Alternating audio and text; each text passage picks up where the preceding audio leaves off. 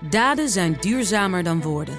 Bij PwC geloven we dat de uitdagingen van de toekomst vragen om een ander perspectief. Door deze uitdagingen van alle kanten te bekijken, komen we samen tot duurzame oplossingen. Zo zetten we duurzaamheidsambities om in acties die ertoe doen. Ga naar pwc.nl. Ik uh, open de bijeenkomst met de mededeling dat er geen quorum is. Um, en dat wil zeggen dat ik de bijeenkomst zal weer gaan sluiten. Maar wel vraag aan u om even stand-by te blijven. Want zodra we een quorum hebben, uh, zullen we bekendmaken hoe laat uh, de vergadering zal starten. Die ik dan ga openen. Is de bijeenkomst nu even gesloten?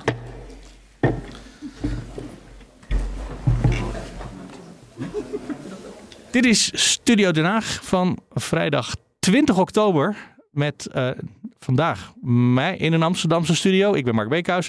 In Den Haag zit Mats Akkerman en Leendert. Die komt straks weer, want die was namelijk eerder ziek. En nu ook misschien. Nee, dat is allemaal. Uh, het is een beetje een rommelige week. Maar in tegenstelling tot de Tweede Kamer, Mats, kunnen wij wel beginnen vandaag. Op donderdag doen we dit stukje. Straks gaan we een stukje van gisteren horen. En straks hoor je ook nog stukjes die we morgen, lees voor de luisteraar vandaag, gaan horen. Ik zei al, het is een beetje een rommelige dag. Ja, het is ingewikkeld. Maar het is inderdaad verlaten, het pand. Uh, misschien wel het leegst dat ik de Tweede Kamer ooit heb gezien. Sterker nog, het was zo leeg dat de vergadering vanochtend niet kon worden geopend. Uh, de Tweede Kamer heeft een quorum. Uh, dat is het minimum aantal leden dat een handtekening gezet moet hebben voordat er vergaderd mag worden. Dat is 76 leden. Um, ja, en vanochtend Tom van der Lee van GroenLinks, die als plaatsvervangend Kamervoorzitter, ja, die kon gewoon niet beginnen. Dus om tien voor half elf ja, was het nieuws aan de Kamer. Ja, sorry, maar we moeten moeten wachten tot er genoeg mensen zijn. Hoeveel mensen moeten er ook weer zijn? Uh, eh, 76 moeten er zijn. Oh, de helft van de Kamer moet aanwezig zijn, plus één. Ja, en, Precies. Wat, en de rest die was allemaal op werkbezoek of zoiets? Of wat waren die aan het doen? Ik heb geen idee. Maar ja, kijk, uh, er zijn niet zo heel veel debatten meer. Uh, dus vandaag is de beantwoording van Hugo de Jonge over de begroting Binnenlandse Zaken en de woningmarkt. Dus de woordvoerders op Binnenlandse Zaken en Wonen, die zijn allemaal in het pand aanwezig. Um, maar verder, uh, ja, hoeven mensen, als ze geen debat hebben, hoeven ze hier natuurlijk ook niet per se te zijn. Maar ja, als iedereen van zichzelf denkt, nou, ik hoef vandaag eigenlijk niet te zijn.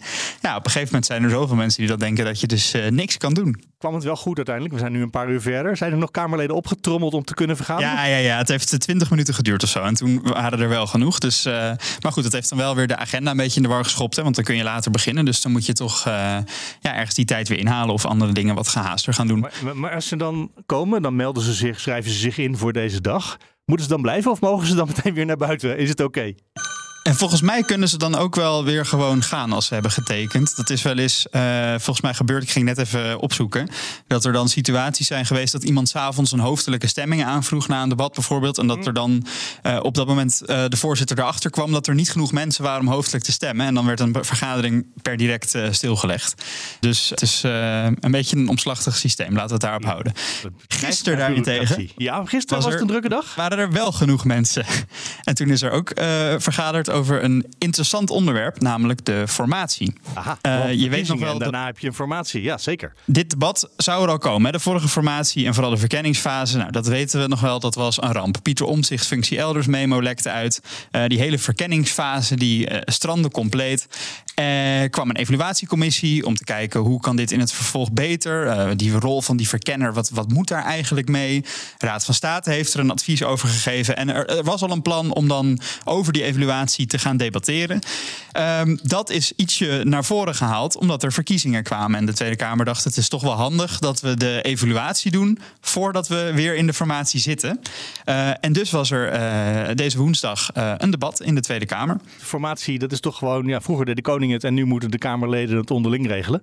Ja, precies. Nou, dat is dus een beetje de, de discussie die er ligt. We hebben de verkenningsfase. Dat is de periode tussen de uh, daadwerkelijke verkiezingen op 22 november. En uh, de dag dat de nieuwe Tweede Kamer wordt geïnstalleerd. Uh, dat is twee weken daarna. Dat is op woensdag 6 december dit jaar.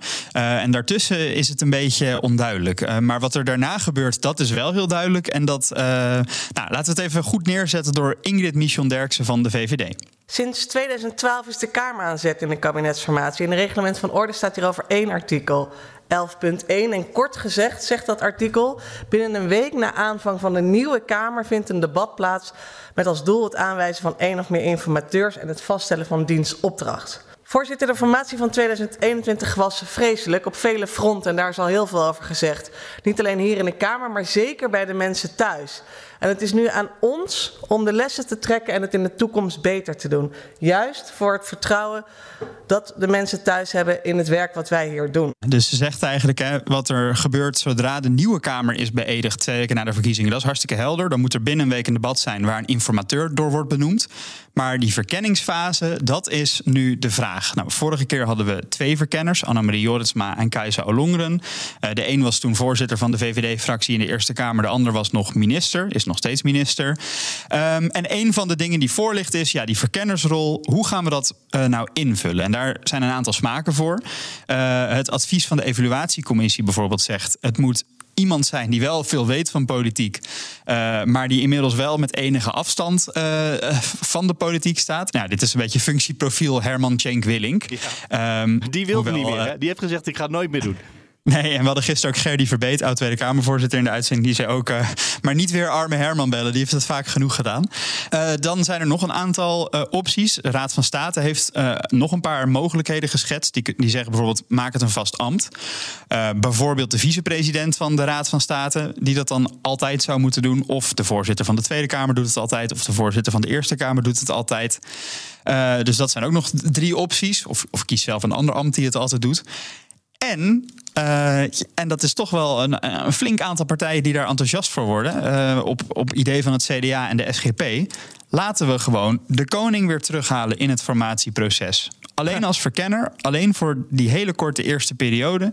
Uh, dus de koning ontvangt alle fractievoorzitters die naar de verkiezingen zijn gekozen. Iedereen komt even op de koffie, de uitslag verwerken. En de koning, het enige wat de koning doet, is ja, een, een advies geven voor een informateur op basis van wat de mensen zeggen die bij hem langskomen. Okay, dus dus GroenLinks alsnog... PvdA heeft in het verkiezingsprogramma staan... we schaffen het Koningshuis af. Uh, maar er zijn ook conservatieve partijen die zeggen... we maken ze weer belangrijker in de dagelijkse politiek. Ja, en um, daar is bijvoorbeeld ook steun van, van BBB. De VVD is nog interessant, want die hebben nog niet echt hardop uitgesproken... wij gaan dit doen. Maar die lijken wel enthousiast en die lijken toch wel om te zijn. En dan zou het dus best wel kunnen dat er een meerderheid ontstaat... voor het terughalen van de koning ook goed daarbij is om te weten uh, dat de VVD destijds in 2012 niet stemde voor het eruit halen van de koning. Dus zij, hebben nooit, uh, zij waren nooit van het kamp de koning moet eruit. Uh, en het zou dus best wel eens kunnen dat zij nu in het kamp komen van de koning moet erin terug. En dan wel met het voorbehoud, het gaat echt alleen om die korte verkenningsfase. Maar het zou dus best kunnen dat, ja, dat we de koning na tien jaar afwezigheid, dat de koning ook gaat debuteren. Want toen dit nog zo was, was het nog de koningin. Dus dat zou voor deze koning dan wel een primeur zijn dat hij dit mag gaan doen. Hij, ja, in de Kamer werd ook vaak gezegd, hij heeft een, een moeder die hij om advies kan bellen. Hè, dus. Ja, nog wel even. Maar hoe ligt dit in, in de hele Kamer? Is het echt een, een bijna een meerderheid of eh, een kleine, kleine minderheid? Hoe, hoe, hoe zijn de, stemmen verdeeld? De daadwerkelijke stemming is een week uitgesteld, want ze willen nog even achter de schermen met elkaar verder erover kunnen praten, omdat het toch nog wel... Uh, oneenigheid was. Bijvoorbeeld D66 zit in het kamp. Laat de grootste partij gewoon iemand aanstellen. Uh, iemand met afstand tot de politiek.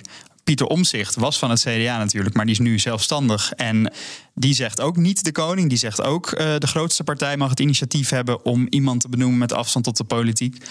Jesse Klaver namens GroenLinks Partij van de Arbeid vond ik wel opvallend. Die zei, nou ja, met de opties die er nu liggen, neigen wij naar de vicepresident van de Raad van State. Omdat die na de koning misschien wel het meest onafhankelijk is van, van de organen die wij hebben. Uh, dus het is erg verdeeld. En ook nog wel interessant, bijvoorbeeld een grote partij waarvan we het eigenlijk nog niet weten, is de PVV. Uh, die deed ook niet mee aan het debat. Martin Bosma zat wel in de zaal, maar heeft niet een bijdrage gedaan. Hm. We weten dat de PVV koningsgezind is als partij. Die zijn voor het Koningshuis. Maar PVV heeft destijds wel gestemd voor het uh, koning uit het proces van de formatie te halen. Maar wel, wat het ook wordt, want dat gaan we dus volgende week in de laatste debatweek bij de stemmingen horen. Er is één iemand die toch wel een beetje goed verwoordde wat veel mensen wel dachten. waarom het vorige keer nou zo fout is gegaan. Hè? Lag dat nou echt per se aan die informateurs of aan dat briefje? En was dat nou echt anders geweest als de koning erbij was geweest? Want uh, ja, Jesse Klaver vertelde erover. Eigenlijk ging dit vooral fout doordat alle onderlinge verhoudingen gewoon heel erg verziekt waren. En de koning had dat niet kunnen repareren. Ik begrijp de beweging die daarin in wordt gemaakt. Misschien mag ik daar één ding op, op, op terugzeggen. Dat zonder op enige wijze afbruik te willen doen aan. aan, aan de, het proces, zeg maar, toen de koningin nog een rol had in de formatie, die zijn ook niet allemaal goed gegaan. En dat is eigenlijk nooit de schuld geweest van de koningin, nog van, van allerlei informateurs die ik heb gezien. Ook deze formatie, en ik zeg dit zo vriendelijk mogelijk, het was een emotionele puinbak tussen de, de, de, van de mensen die daar aan tafel zaten. Ik, ik, ik, ik bedoel, ik zal niet verder uitweiden, maar mijn mond viel soms open in de wijze waarop er met elkaar werd omgegaan aan die tafels waar we, waar we zaten. En daar had ook de koning niet het verschil in, uh, niet het verschil in kunnen maken. En welk proces we ook kiezen, wij zijn zelf verantwoordelijk voor wat hier gebeurt. En ik wil dat we dat heel goed tot ons door laten dringen.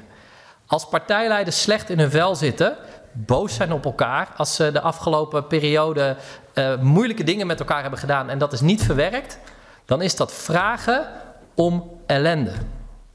En dat gaat een koning, een vicepresident, dat gaat niemand gaat dat herstellen. En ik vind dat wij veel meer die verantwoordelijkheid zelf daarin moeten voelen. En de stemming is uh, een week uitgesteld, dus je komt volgende week dinsdag dan, Mats, hierover? Volgens mij op dinsdag, ja. En ik kwam net Bart van der Brink van het CDA nog even tegen.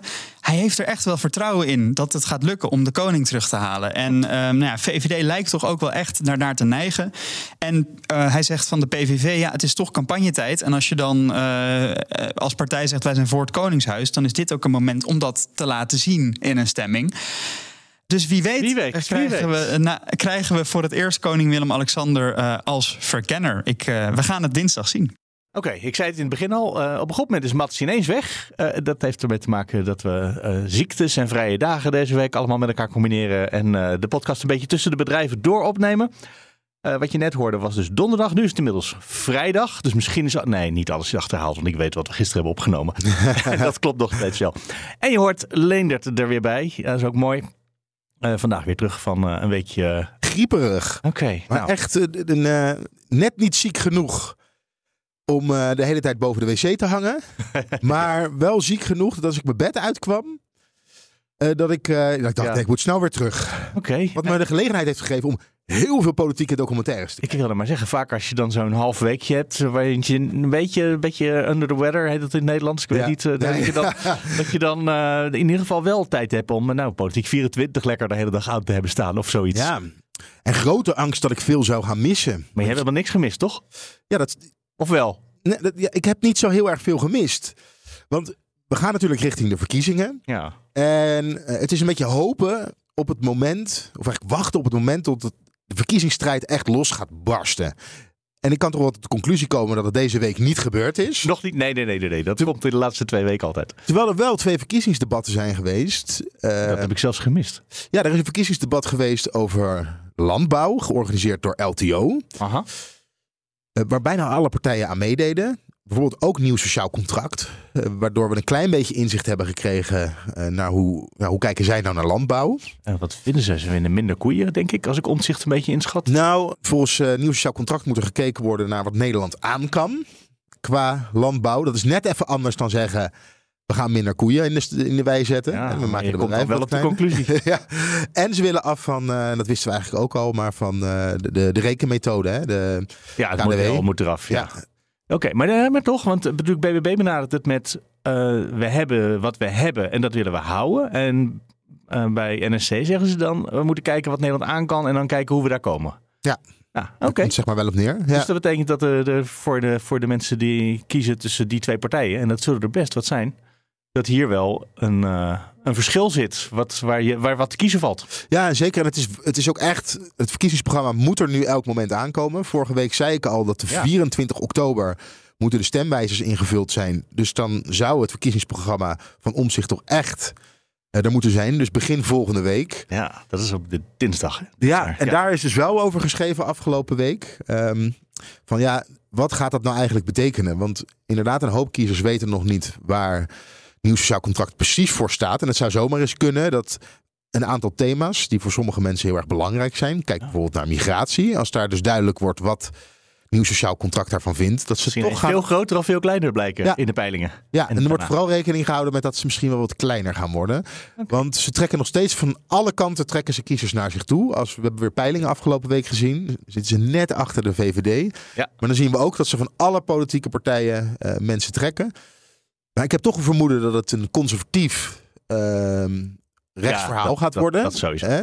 Dus dat het voor Partij van de Arbeid, GroenLinks en D66-stemmers, voormalige stemmers, misschien wat minder in aantrekkelijk gaat worden om naar Pieter Omzicht zijn partij te switchen. En dat zou dan weer goed nieuws zijn, want je hebt die peiling eh, van, van de week. waarin er waren twee eigenlijk, PvdA eigenlijk Ja. kleiner werd dan ze dachten. Een van de twee, bij één vandaag was geloof ik. Ja, en vandaag worden ze wat kleiner, inderdaad. Ja, eh. en eh, nou ja, van 27 naar 20 of van 25 naar 20. Dat is nog wel een eh flink ja, maar dan zie je Dus als ze dan weer een stukje van nieuw sociaal contract terug kunnen winnen. Ja, ja, precies. Spannend is dit.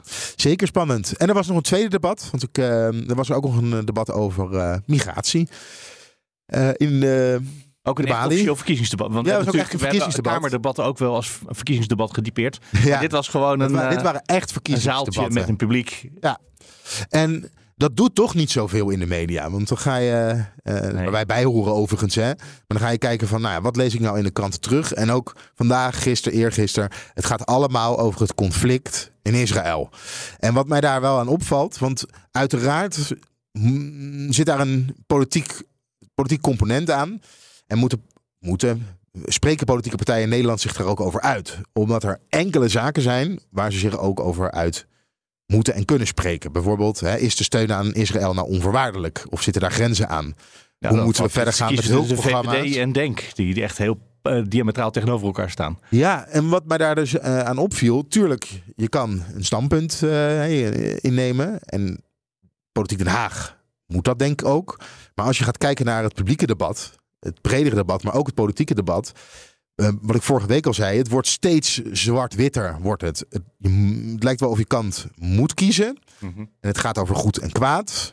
En ehm, iedereen is ineens deskundige geworden op het gebied van het conflict tussen Israël en de Palestijnen. Ja, maar En ik je blijf kwesties daar- van goed en kwaad al niet eens meer mag kiezen, Leendert. Ja, dat, is, toch, dat is toch de plek waar je moet kiezen? En Ja, de vraag is maar je natuurlijk, wat moet goed maar en wat- precies. Dit is wat jij.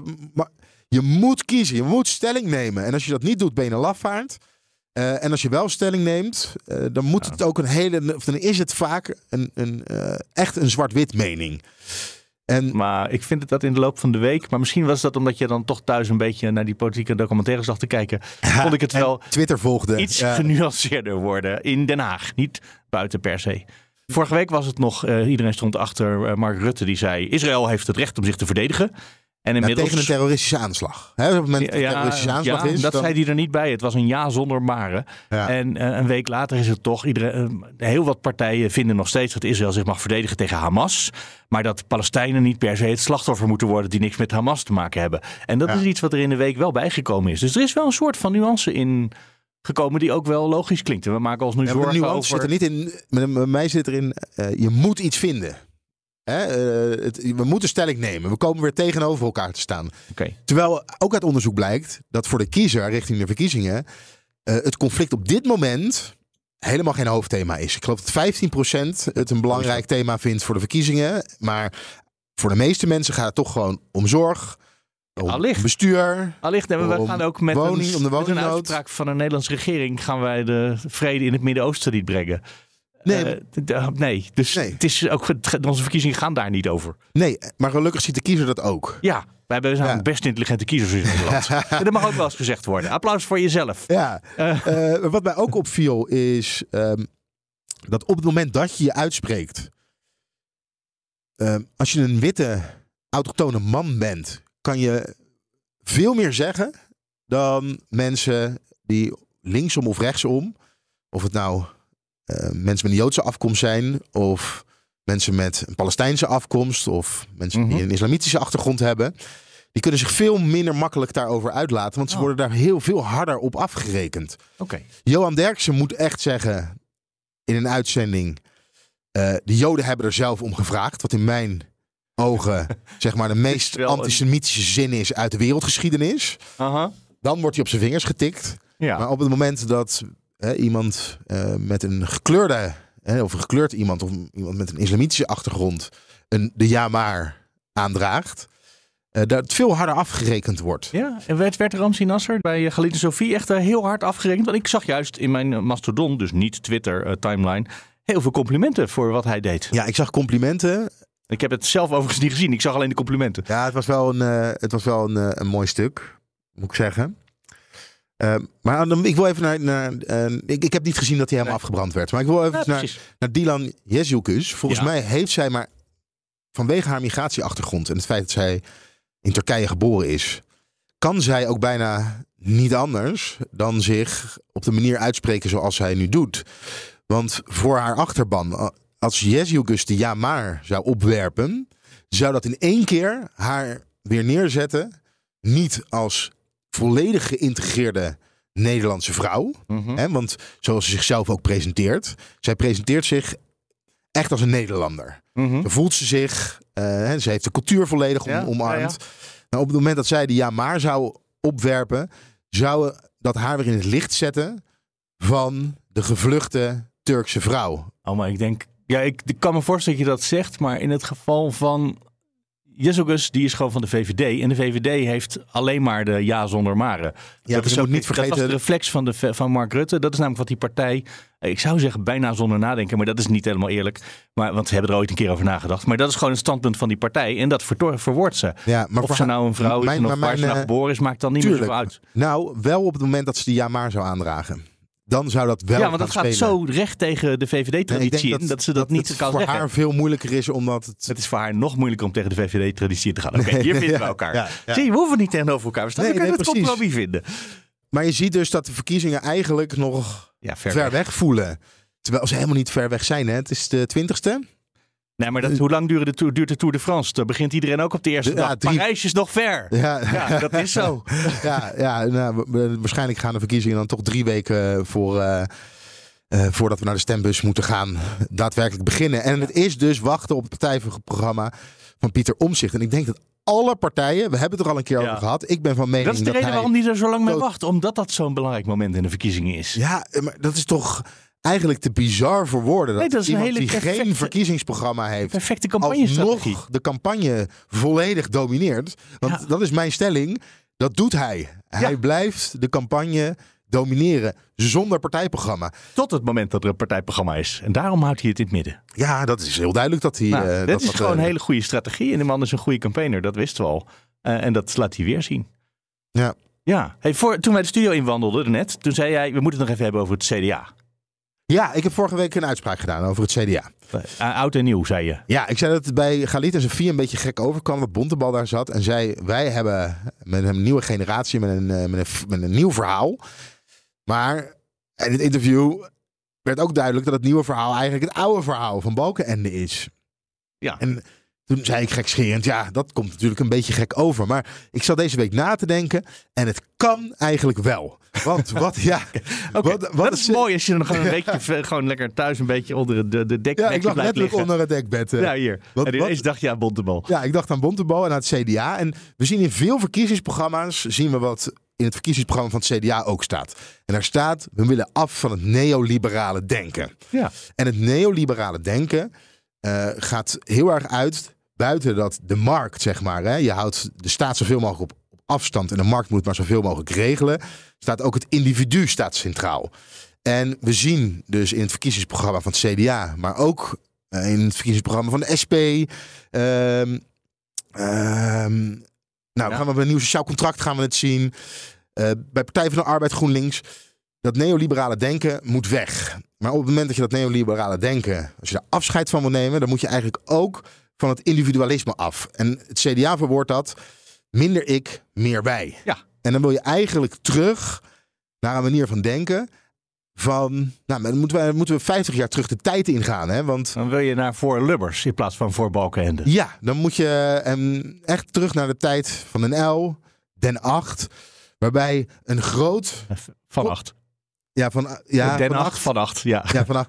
Dan eh, een, groot, een groots idee voor de toekomst om collectief de samenleving beter te maken. Naar dat verhaal moet je terug. En dat lees je eigenlijk wel in het verkiezingsprogramma van het CDA. En daardoor zeggen ze, hè, door afstand te nemen van Mhm. het neoliberalisme, gaan we met een nieuw verhaal de verkiezingen in. En uiteraard wil je niet terug naar de tijd van eh Den L en Van Acht. Aha.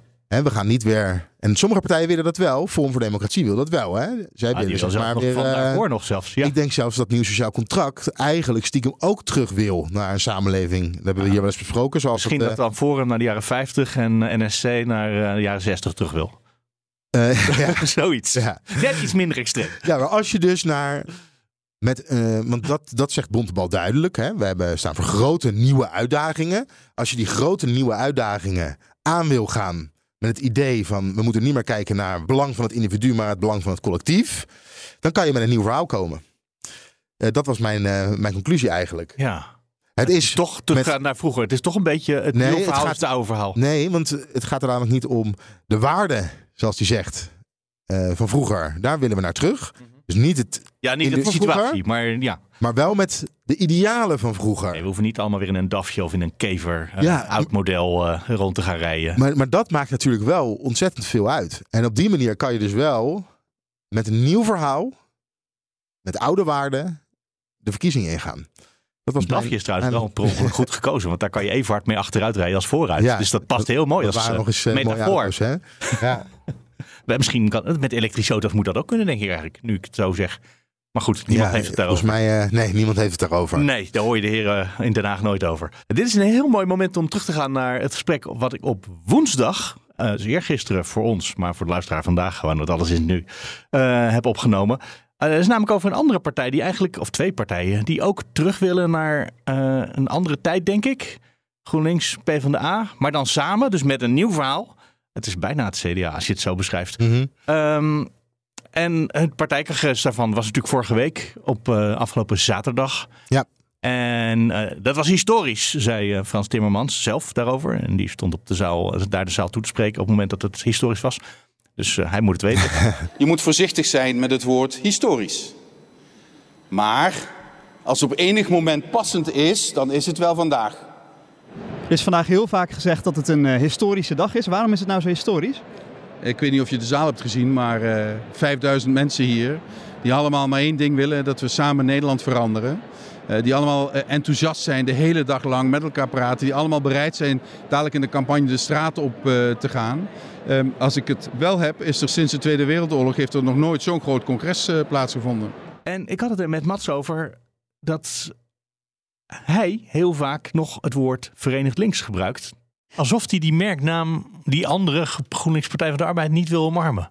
Ja, dat is mij ook opgevallen, ja. Nou, Kijk, dat is een, uh, het, uh, laten we ook gewoon toegeven. Oh ja, dit gebeurt op vrijdag ook niet, want dan wordt Nee. er niet vergaderd in de Tweede Kamer. We zitten wel in het in Den Haag in de studio. Ja, want er wordt ook gewoon doorgewerkt natuurlijk. Nee, het is wel interessant. Hij kiest er heel vaak om dat verenigd links te benadrukken. Um, ik denk ook een beetje campagnestrategie. Ze hebben op de kieslijst officieel de naam GroenLinks PvdA. Die letters stonden ook heel groot op het podium in Ahoy Rotterdam, waar we waren. Ja, maar hij Um, zegt iets anders. Maar hij zegt verenigd links. En als we ook even gewoon de peilingen erbij pakken voor wat ze waard zijn. Nou, we nemen de top 5. Dan zie je toch wel vier rechtse tot centrumrechtse partijen. En er zit, er zit er eentje op links. En dat is ook echt heel erg wat Frans Timmermans uh, in al zijn uitingen, zowel in zijn speech op het podium als in mijn gesprek later met hem benadrukte. Als je wil dat Nederland naar links gaat, dan heb je eigenlijk maar één keuze. En hij wil natuurlijk de tactische stemmer binnenhalen. Hè. Misschien wat vorige keer heel erg naar Sigrid Kaag van D66 ging. De kiezer die dacht iets een progressief alternatief voor Mark Rutte. Hij wil uitdragen als je niet wil dat de VVD weer aan de macht komt, of als je niet wil dat we weer over rechts gaan, kies dan voor Verenigd Links. Hij heeft ook een, een interview gegeven nog voor dat partijcongres... waarvan hij zei, we gaan er alles aan doen om de VVD buiten de regering te houden. Het zou goed zijn voor Nederland als de VVD een keertje niet meedoet. Dat is grappig, dit is uit mijn jeugd toen dat over het CDA gezegd werd. Na 73 jaar, geloof ik, zeg ik uit het hoofd... is het goed als het CDA een keer niet in de regering zit. Oh ja, en wie kwam, was, was, was het toen van Toen kwam D66? Paars, ja, ja, precies. met, ja, ja. Uh, dus Hans van Mierlo. Ja, zo, en zonder dus het CDA. Nou, Dus het is wel gelukt als je maar vaak genoeg zegt, niet met die... Dan kun je ze misschien nog wel buitensluiten ook. nou, en zonder het CDA, dat gaan we bijna de hele Tweede Kamer straks misschien wel meemaken. Want die zijn heel klein in de laatste peilingen. Het CDA is inderdaad... eh, nou, als we, het is dinsdag, dus er kan veel veranderen. maar eh, Er was net een peiling van één vandaag die uitkwam. En ik zeg net, want dit is dus dinsdag. Ehm, Ja, nou ja, vorige week eh, was er een peiling van één vandaag, inderdaad. Vorige week was er een peiling van INO. Dat is goed dat je dat zegt. Vorige week was er een peiling van INO. En toen waren er drie partijen bovenin. En Ja, klopt. Ja, de VVD GroenLinks, stond dan- hoort, hoort, hoort bij de top drie daar, hè? Ja, klopt. Want de VVD stond daar met 27 zetels op één. Eh, en Nieuw Sociaal Contract van Omzicht en eh, Partij van de Arbeid stonden allebei met 26 zetels op, twee, of, ja, op de tweede plek. En je weet met peilingen, Ja, ehm, maar- er zit altijd een bepaalde foutmarge in. Van, Maar die foutmarge die, die is misschien wel heel groot in dit geval. Want de andere peiling van één vandaag, van vanmiddag, die zegt 20 zetels. Dus niet 27, Partij van de Arbeid maar GroenLinks? 20 zetels voor eh. Verenigd Links. Die heb ik nog niet dan gezien. Heb je, nee, precies. Maar dan heb je dus twee grote rechtsconservatieve partijen. En één eh, medium grote op 20. Als het waar is. Hè, en het is nog vijf weken tot de verkiezingen. Dus alles kan nog gebeuren. Ja, en het Jij is, was daar bij GroenLinks Ja. en bij PvdA. Want we moeten even terug naar zaterdag. En eh, een van de dingen die we per traditie altijd bespreken is... hoe zijn de hapjes? Ja, nou ja, ehm, gezond, maar eh, de, de lekkere bitterbal heb ik toch wel gemist. Ehm, Vegan hoorde ik ja, van jou. Ik moet wel eerlijk zeggen, er werd goed gezorgd voor journalisten. Er was, het was in Ahoy Rotterdam, echt groot. Ik was er nog nooit geweest, ook niet voor een concert. Ehm, en we hadden een, een goed geregelde backstage ruimte... waar we ook alles konden volgen wat op het podium gebeurde... als we dus even moesten werken. We kregen lunchpakketten. Eh, maar ja, eh, broodje kaas, krentenbol, een schaal met appels en bananen. Geen vlees. Eh, er stonden ook allemaal stickers op die lunchpakketjes met vegan. Eh, dus ja, het was denk ik wel duidelijk dat we op een, een linkspartijcongres waren. Maar Meer GroenLinks dan PvdA, als ik het zo eh ja, inschat. ik denk wel meer. Ja, zo, ja zeker. En ehm, PvdA is er ook nog wel een beetje een gehaktbal. Ja, nou, volgens mij zei Lilianne Ploemen ooit eh, bij een verkiezingsdebat twee jaar geleden dat Nederlanders wel vier gehaktballen per week moeten kunnen eten of zo. En dat iedereen dacht, vier gehaktballen? Die, weken, maar. die maak ik niet vaak bij. Eh, nee. nee. precies. Wie eet er nou vier gehaktballen nog in een week? Maar ehm, ja, dus dat was daaraan eh, wel te merken. Ehm, dus nou, ik moet zeggen, niet super smaakvol, maar er werd goed voor je gezorgd als journalist. Ook voor de mensen die er waren trouwens. Die kregen ook een lunchpakket. Dus het was wel goed op orde. En ik had ook wel het idee, als we het toch even hebben over GroenLinks P van de A, de, twee soorten mensen. Eh, het is natuurlijk eh, wel toch een andere achterban. Ehm, maar ik had wel het idee dat het een beetje 50-50 was wat er rondliep. Eh, dus de GroenLinkser toch over het algemeen wat jonger, wat stedelijker, misschien wat activistischer. Ehm, was ook te merken bij Israël-Palestina, waar we het zo nog wel even kunnen, over kunnen hebben. Eh, eh, de PvdA-achterban, ja, toch echt wel een vergrijsde achterban. En in die zin denk ik dat het toch wel een, een succes kan zijn om die twee achterbannen samen te voegen tot eh, ja, een geheel wat een beetje de hele breedte van de samenleving eh, kan aanspreken. Bij het vorige congres was er een ingang voor de PvdA en een ingang voor GroenLinks. En toen moesten ze samen door dezelfde deur naar buiten. Wat natuurlijk een fantastische symbolische eh, weergave is van hoe die partijen samen moesten gaan.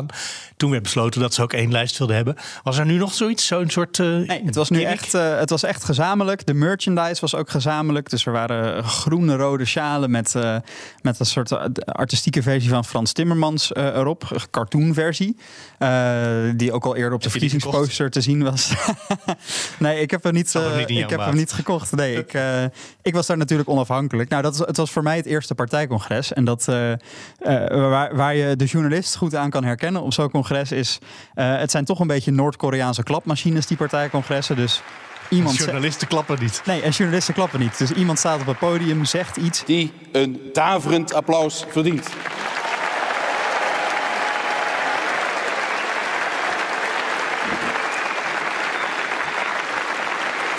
Zoals gezegd, Dan zie je een paar mensen een beetje zo met de armen over elkaar eh, in die zaal staan, een beetje norsig kijken. Ja, dat, dat zijn dan de journalisten die het onafhankelijk proberen te verslaan. Toeschouwers. Nou, maar dat is ook mooi dat je je niet laat meeslepen door eh, het enthousiasme. Want er valt vast ook van alles af te dingen op wat er gezegd is. Nou, dat weet ik eigenlijk niet. Wat, wat, het was een klapmachine en iedereen was blij. Maar dat is natuurlijk ook zo. Ja, want maar er was ook het is wel echt- propaganda, zo'n zo'n Precies, maar dat was meer het eind van de dag. Laten we even het, het, het dagprogramma doorlopen. Ja. Het begon eh, inhoudelijk met het gedeelte, namelijk het verkiezingsprogramma moest worden vastgesteld. Eh, er waren allemaal amendementen ingediend. Daar was al een soort voorselectie ingemaakt door de programmacommissie. Waarbij ze dus eigenlijk van een heel groot deel zeiden: Nou, dit vinden we eigenlijk gewoon, dit kunnen wij zo één op één overnemen. Hoeven we niet eens over te praten. Dit is gewoon een goed, goede constructieve aanpassing. Bleef eigenlijk maar een heel klein eh, handjevol amendementen over waar nog wel over gepraat moest worden. Maar Ja, dan aan komen we bij Palestijnen, denk ik, terecht. Nou ja, eh, dat is eh, interessant, want de deadline voor amendementen en moties was 6 oktober. Uh, dus de vrijdag een week voor het congres.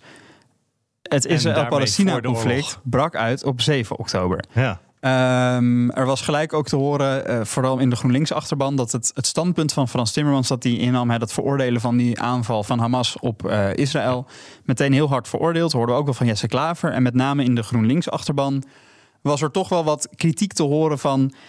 Uh, je, vertelt, je, vertelt, niet het hele verhaal. Hè? Uh, ze misten een beetje de Palestijnse kant van het verhaal. Um, niet per se te pro-Israëlisch, maar wel de Palestijnen vergetend. Ja, precies. En nou, het partijbestuur had wel door van hier moeten we natuurlijk iets mee. Dus ze hadden al voor het congres uh, gezegd uh, dat dat ingelast zou worden in het, uh, in het programma. Dus dat er nog een apart stuk met moties kwam over het Israël-Palestina-conflict. Dat hadden ze aan het, aan het eind van het dagprogramma geplakt. nog wel voor de speeches. Um, maar daar hadden ze van tevoren al heel veel werk van gemaakt. Door een, drie moties kwamen erover. En de eerste was eigenlijk het belangrijkste. Want die eerste was eigenlijk gewoon: wat wordt ons partijstandpunt in dit conflict? En daar hebben mensen van allebei de partijen, indieners van alle meningen erover, hebben een soort hele lange motie geschreven van anderhalf à vier ongeveer. Waarbij ze eigenlijk een soort van. Nou, het was eigenlijk elk, elke nuance die je kan maken in dit conflict uitgeschreven op een papiertje. Dus ja, we veroordelen het geweld van Hamas op Israël. Maar uh, dit komt ook ergens vandaan. En die motie werd uiteindelijk. Daar kon niemand tegen zijn. Nou ja, bijna niemand kon daar tegen zijn. De motie is met volgens mij 95% van de stemmen aangenomen. Dus niet iedereen. Um, en we zagen ook wel um, een paar vocale uh, pro-Palestina inbrengen uh, tijdens het congres. Uh, je had bijvoorbeeld Sabine Scharwachter, volgens mij heet zij. Zij was van Dwars of is van Dwars, de GroenLinks jongeren. En zij uh, kwam een bijdrage doen over een andere motie, maar zij riep heel hard in de microfoon uh, Free Palestine nog daarna. Um, voor de zekerheid. Voor de zekerheid, ja.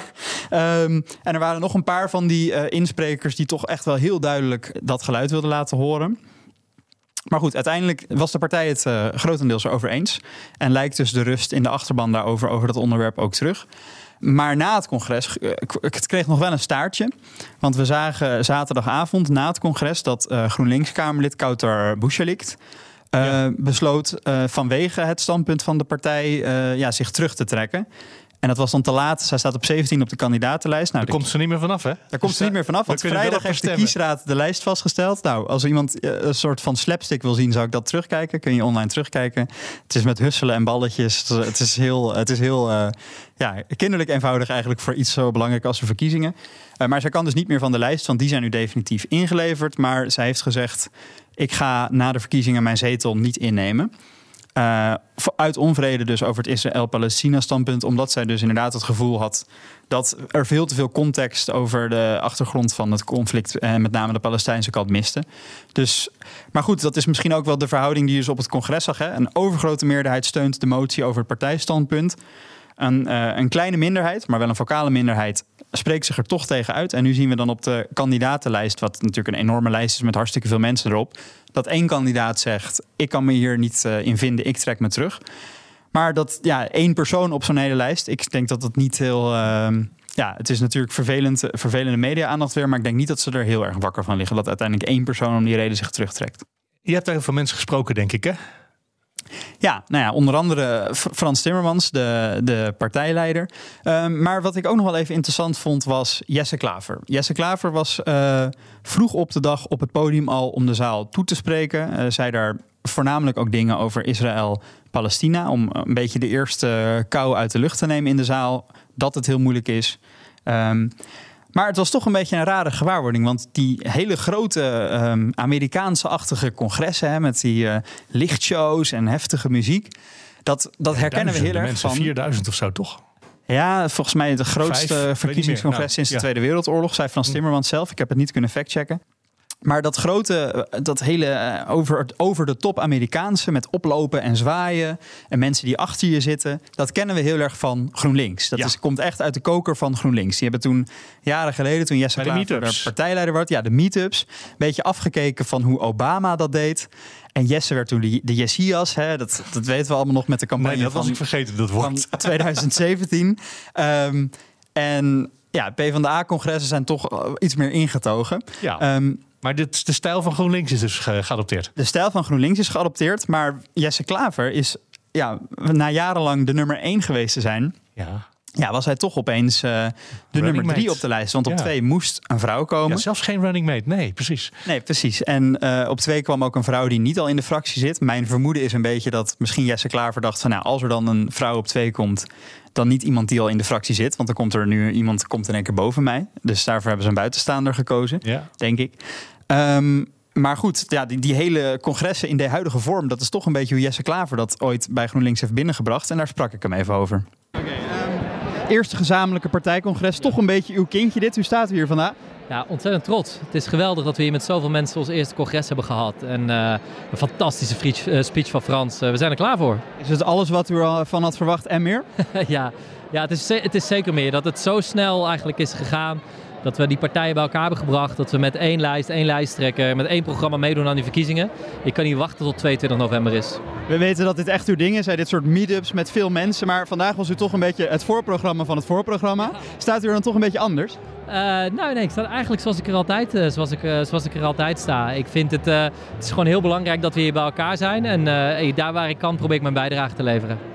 Denkt u dat deze nieuwe linkse samenwerking kans heeft om echt de grootste te worden? Absoluut. Ik denk echt dat we de kans hebben om dat voor elkaar te krijgen. Maar daarvoor moeten heel veel mensen gaan stemmen en campagne gaan voeren. En dat gaan we nu eerst eens even de komende weken doen. Maar als u dan de grootste bent, met wie moet er dan samengewerkt gaan worden? Want ik zie in de rest van de top 5 voornamelijk rechtse partijen. We gaan eerst eens even zorgen dat we deze verkiezingen winnen. En dat er in die top 5 alleen maar rechtse partijen staan in de peilingen nu. Laat het een stimulans zijn voor iedereen in Nederland die zich links voelt en progressief. Om voor te zorgen dat wij deze verkiezingen winnen. Want anders weet ik zeker wat er gebeurt. Voordat je het weet eindig je met een rechtskabinet. Dat moeten we echt niet willen. Dus die uitspraken van uw partijleider over samenwerken met de VVD, daar staat u achter. Daar sta ik 100% achter. Ik denk dat het heel gezond zou zijn voor Nederland als we een tijdje zonder de VVD zouden regeren. Misschien nog wel interessant, want nu, dat was de nummer drie, Jesse Klaver. Die was eigenlijk een beetje de opening van op het podium. Toen was er nog een afscheid voor de vertrekkende Kamerleden van GroenLinks Partij van de Arbeid. Die kregen allemaal even een bloemetje en een, en een lievoortje. Ehm, en toen kwam de nummer twee, Esma Lala, wethouder in Tilburg eh, van GroenLinks. Is van de, het armoedebeleid bekend, toch? Ja, van een, eh, van een plan waarbij ze mensen in de bijstand een klein extraatje gaf per maand om te kijken of mensen dat dan goed besteden. Nou, conclusie, mensen Ja, gaan hoor. er hartstikke goed mee om. Sterker nog, je helpt die mensen daar ontzettend mee. Dit was haar eerste grote optreden. En zij werd echt fantastisch onthaald door die zaal. Als je vraagt wanneer op die dag is er het hardst geapplaudiseerd. En we hadden het, het zijn klapmachines, maar dat was bij haar. Voor de nummer 2 werd harder geklopt dan voor de bekende nummer 3 en 1. Ja, zeker. En dat was, het was haar eerste optreden. En het, ze hield een heel menselijk verhaal. Eigenlijk gewoon van wat heb ik gedaan in Tilburg, wat hoop ik mee te nemen eh, naar Den Haag. En echt, nou, het was echt, ik denk dat het een meesterzet is van eh GroenLinks PvdA dat ze haar hebben binnengehaald. Eh, juist ook, nou, er was toch wel kritiek ook in de achterban en diversiteit vinden ze belangrijk. Nou, wie staat er op één? Een witte man. Eh, ook, ja, Ja, wel een Limburger, hè? Zelfs ja, de bijna Limburger, maar ja, een witte man. Jesse Klaver ook. Je kan veel van hem zeggen, maar het is ook een witte man. En zij is, is dat niet. Ze heeft ook een hoofddoek. Maar echt, ze werd echt heel goed onthaald. Moet ik wel ook zeggen, Timmermans kwam daarna. Die had ook een veel langere speech. Dus dat ze niet zo hard konden blijven klappen. Dat, hij had gewoon echt een heel lang verhaal. Het zat echt goed in elkaar. Elk woord was gewogen op een, we- op een, op een weegschaaltje. En hij deed het uit het hoofd. Wat ik ook wel echt heel knap vond, want het was echt een lang verhaal. Dus eh, ja, ik vond het, eh, ja, hij, hij werd goed ontvangen, Frans Timmermans. Het was niet de eerste keer dat hij begon met te vertellen... dit is een hele fijne zaal. Op deze plek eh, heb ik hele, heel veel herinneringen, omdat ik eh, nogal graag naar, eh, naar concerten ga. En ik wil jullie meenemen naar 28 april 1981. Ja, ja jongens en meisjes, lange tijd geleden. Toen, toen speelde hier twee dagen achter elkaar Bruce Springsteen. Ja, Hier heb ik Bruce Springsteen een keer zien optreden. Dat heb ik hem al een paar keer zien doen nu. Dus kennelijk alle grote zalen waar hij eh, mensen toespreekt... begint hij eerst even te checken... was Bruce Springsteen hier? In welk jaar ook alweer? Ja, En dan ja. begint hij daar zijn verhaaltje mee. Ja, dat is toch, ja, ik weet niet. ik- dat menselijke politie vinden altijd dat ze iets menselijk moeten laten zien. Of ze hebben een leuke hond, of ze spelen piano. Ik, ja, We vinden het ook fantastisch. En hij had ook orgel kunnen spelen. Dat doen anderen van, dan mij, weer. van mij hoeft het in ieder geval niet zo. Nee, Ehm, maar ik vind het heel grappig dat hij ook elke keer hetzelfde trucje heeft. Maar dan met een ander jaartal erbij. En zegt, ja, hier was hij toen in Nou, noem maar Ja. een jaartal. Maar goed, ehm, de zaal bruiste van de energie. Bovendien duurzame energie, hè? Ik kwam nog, nog iemand tegen en dat, die liep ik toevallig tegen het lijf. Ik had de hele dag niet door dat hij er was. Maar dat was Diederik Samson, de Hey. oud eh, partijleider van de Partij van de Arbeid. Ja, maar ook de Eh, rechterhand geweest en de natuurlijk rechterhand van, eh, Frans Timmermans tot voor kort in Europa, waar die eurocommissaris was. De rechterhand ja, van eh Wop Hoekstra, denk ik. ja, dat klopt. En ik, ik was eigenlijk al onderweg de deur uit, maar die heb ik toch nog even spontaan geïnterviewd. Je hebt Frans al, neem ik aan. Frans heb ik al. Oh, nou hier. Dan ben ik... Ja, eh, Frans, ja, uw oude baas, u mag Frans zeggen. Eh, hoe heeft u naar hem geluisterd vandaag? Ja, met grote interesse. Maar eigenlijk het hele congres natuurlijk. ehm, dit is historisch wat hier vandaag is gebeurd. En in alle eerlijkheid, als twee partijen eh, dit samen doen, is het helemaal niet vanzelfsprekend dat het zo'n soepel congres is. En zeker niet als er dan zo'n heftig onderwerp als Gaza en de, de kwestie tussen Israël en Palestina nu bij komt. Maar ook dat is in grote eenheid eh, opgelost. En dat, dat zegt veel. Maar kunnen we dit straks nou echt een succes noemen? Want als we nu naar de peilingen kijken, dan haalt deze combinatie haalt minder zetels dan u destijds haalde. Ja, dat, dat is waarheid maar. Hè. Het haalt veel meer zetels dan de partijen nu opgeteld hebben. Dus ik denk dat het wel degelijk een succes is en dat 1 en 1 dus meer is dan 2. U zit nu nog even in Europa, maar dat, dat loopt volgend jaar af. Ehm, komt u weer terug via deze linkse combinatie? Oh, dat weet ik helemaal niet. Ik heb inderdaad, ik zit nog in Europa omdat er een paar hele belangrijke dingen nog moeten. Ik vond dat Frans naar Nederland moet, daar geen misverstand over. Maar in Europa is ook nog echt, eh, de klimaattop komt er nog aan, daar ben ik dagelijks mee bezig. Daarna gaan we nog een voorstel doen over de doelstelling voor 2040. Hè, u bent allemaal net bekomen van 2030, maar riemen vast. Ik weet niet meer welk jaar het is. Nou ja, dat bedoel ik. Nee, dus, en- maar we moeten natuurlijk zekerheid geven aan, eh, en aan de industrie en aan anderen wat, hoe snel we die CO2-reductie moeten vormgeven. Dat wil ik zeker nog afmaken. Dus eh, voorlopig zit ik nog in Brussel. Ja, en tot slot eh, de samenwerking met Wopke Hoekstra. U werkt nu een tijdje met hem. Hoe bevalt dat? Ja, heel goed. Ja, eh, dat, nou ja, je hebt het gezien. Hij heeft zich de portefeuille heel... Ja, we herkenden hem niet terug hier. Ja, ik, ik snapte de, de, de, de, de ironie er wel een beetje. Maar in alle eerlijkheid, hij heeft zich de portefeuille heel snel eigen gemaakt. En dan kun je eigenlijk ook maar één conclusie trekken. Jongens, dit is een existentieel probleem. Hier moeten we wat aan doen. Dus dat hij dan voor de Nederland opeens heel groen overkwam, dat snap ik. Maar voor mij was het geen verbazing. Want iedereen die zich in dit onderwerp verdiept, komt, komt uiteindelijk tot die conclusie. Dat is wel mooi. Hij beschrijft eigenlijk iemand die bekeerd is. En dat zou Hoekstra bij het CDA natuurlijk Ja, graag... nou ja, eh, je krijgt bijna het idee dat Diederik Samson eigenlijk de, de, de speechwriter van Wopke Hoekstra is geworden. Want bij Diederik Samson eh, merk je wel aan alles wat hij zegt dat het ook nog wel echt ideologisch is gedreven. En dat, was, dat ontbrak natuurlijk wel een beetje bij Wopke Hoekstra. Eh, misschien ook, eh, ik weet niet of hij jaloers is, want misschien had hij die baan als eurocommissaris liever zelf gehad, eh Diederik Samson. Dat zou best wel kunnen. Dat heb je hem niet gevraagd? Dat heb ik hem niet gevraagd. Nee. Nee, ja, het was een beetje een spontaan interviewtje. Ja. Maar goed, de, nou, het congres, als ik denk even afrondend daarover. Ze hebben echt het idee bij links, wij kunnen de grootste worden. Voor het eerst in jaren kan een linkse partij de grootste worden. Ze zien de peilingen, ze, er zijn drie Ja. mensen die aan kop gaan. Ehm, ja, en ze, eh, Omtzigt is tot nu toe als een soort heilige verklaard. Maar nu moet hij echt campagne gaan voeren. Dus daar eerst dat idee, die, die kan fouten gaan maken. Dat kan echt nog wel een beetje terugzakken. Ehm, en ze zetten heel erg in op niet weer de VVD. De campagne wordt, VVD heeft nu zo lang dit land bestuurd. Het moet echt even een keer zonder de VVD. En dan willen zij de grootste zijn en het initiatief hebben. En eh, nou, de mensen in de zaal in ieder geval Ja, hadden die waren het idee dat dat zeker, zeker kon. Ja, zeker. Dit begon met, we mogen geen verenigd links meer zeggen. Ja, dat was een tijdje terug. Ja, dat Klopt. was een tijdje zijn, geleden. Dus het- dit was woensdag. We zijn nu terug Ja. weer bij vrijdag. Leonard is weer in de studio. Ja, en Mats is weer weg ergens. Dat, dat deed me gelijk denken Het is aan een de vele documentaires die ik heb zitten kijken. Ja. Eh, want Verenigd Links is natuurlijk een oud begrip. Eh, dan moeten we echt terug naar eh, begin 2000, waarin Wouter Bos eh, torenhoog in de peilingen stond en hem gevraagd werd: ga nou eens met de linkse partijen, en dat ging toen om GroenLinks en de SP, kijken of je samen met één verhaal richting de verkiezingen kan gaan. En dat wilde en durfde Wouter Bos toen niet. Mhm. Maar dat ging onder het mom van Verenigd Links. En misschien dat ze voor de wat oudere kiezer dat de term Verenigd Links. Maar daar was heel veel weerstand tegen. Dus dat is qua marketing dan niet zo handig. Nou, de weerstand tegen Verenigd Links kwam vooral vanuit Wouter Bos. Want Ja. Wouter Bos is eigenlijk. Ook wel de hele PvdA was het niet zo voor hoor. En die vonden zichzelf een hele andere partij dan de SP. Ja, omdat ze toen nog. Want Wouter Bos noemt zichzelf. nog steeds. Wouter Bos noemt zichzelf ook nog een liberaal.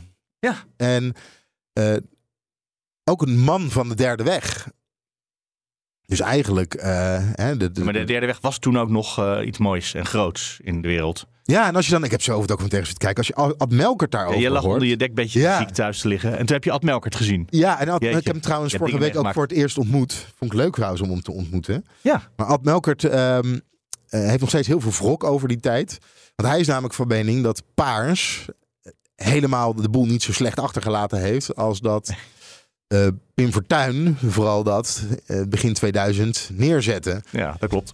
Eh, en Wouter Bos is ook. dus echt nog een, een jongen van de derde weg. van Paars. En dus een liberaal. En hij wilde dus dat Verenigd Links. Wat, wat, eh, wat veel te links was in zijn ogen. Ik denk trouwens dat in die tijd Halsema zichzelf ook nog als liberaal neerzette. Eh, ja, zeker. Zij heeft namelijk ook ooit nog... GroenLinks was een liberale partij namelijk. Ja, zij heeft zelfs ooit nog eens een. eh, volgens mij deed de JOVD ook een beetje dat om haar te plagen. Maar de prijs voor liberaal van het jaar heeft ze gekregen. Ja. Nou, ik, ik zou maar zomaar, het zou zomaar zo kunnen zijn dat ze het niet aan Verenigd Links willen vanwege. Volgens mij het 2006. Vanwege eh, het feit dat Wouter Bos toen premier zou worden. Dat niet werd. En eh Verenigd Links eigenlijk niet wilde omarmen. Dat is toch een pijnlijke geschiedenisstad geweest. Ja, en we hebben natuurlijk eh, een jaar of drie terug was het. Misschien, of misschien net voor de coronacrisis. Ik weet niet eens meer. Toen hebben we hier nog in de Tolhuistuin ook een sessie gehad met PvdA, GroenLinks en de SP. Die wilden gaan verkennen of ze samen links konden werken.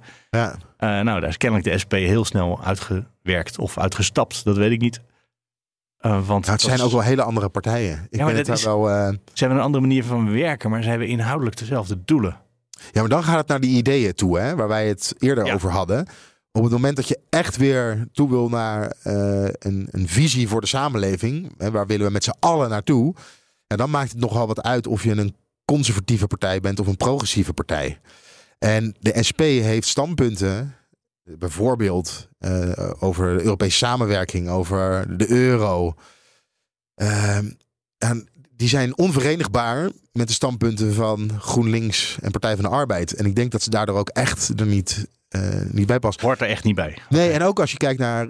eh, en dat lag natuurlijk ook heel gevoelig bij de Partij van de Arbeid GroenLinks. Maar zeker als je de SP daarbij zou halen over het migratievraagstuk. En het migratievraagstuk blijft spelen. Ja, daar denken de verschillende partijen, deze drie partijen, toch echt wel heel anders over. En Partij van de Arbeid en GroenLinks zijn toch wel tot elkaar gekomen. Nou, als je kijkt naar eh, het vraagstuk arbeidsmigratie. eh, ja, daar, valt, daar moet je dan wel wat. eh, er moet nog wel wat water door de Rijn voordat je bij elkaar kan komen op dat, eh, op dat gebied. En over het laatste over die documentaires. De, eh, Partij van de Arbeid heeft ook uit de tijd van Fortuyn. hebben zij echt nog een enorm litteken rondom eh, de multiculturele samenleving en ook asiel en migratie. Want daar zijn ze toen zo hard op, op afgerekend dat ze nooit meer willen de, het verwijt willen krijgen. Wij kijken de andere kant op, terwijl het in Nederland fout gaat. Nou, ik hoop zo, Mark, dat de verkiezingen, de, de, de, de verkiezingsstrijd nu echt los gaat barsten. En het duurt gewoon nog even. Maar het zou. Het De zou meeste mensen vinden het al heel belangrijk om één verkiezingsdebat te zien. Sommigen, sommigen kijken er twee. Ja. het is echt voor de nerds zoals wij die dat denken. Nou, ik heb dus dat landbouwdebat gemist, maar... eh, en het andere debat ook. Oh, over migratie? Ja, migratie, ja. Maar dat, dat- ik, zou, ik denk ook dat je mij heel moeilijk verrast met standpunten van de verschillende partijen. Daarvoor weten we al te veel. We komen aan het einde voor Studio Den Haag van 20 oktober in 2023. Dankjewel Leendert. Eh dankjewel Mats ook eh, voor van de week alvast eh, dingen op te nemen. Ik ben Mark Beekhuis. Volgende week zijn we er weer. Dan hopelijk op vrijdag allemaal tegelijkertijd in dezelfde studio. Heel graag tot dan.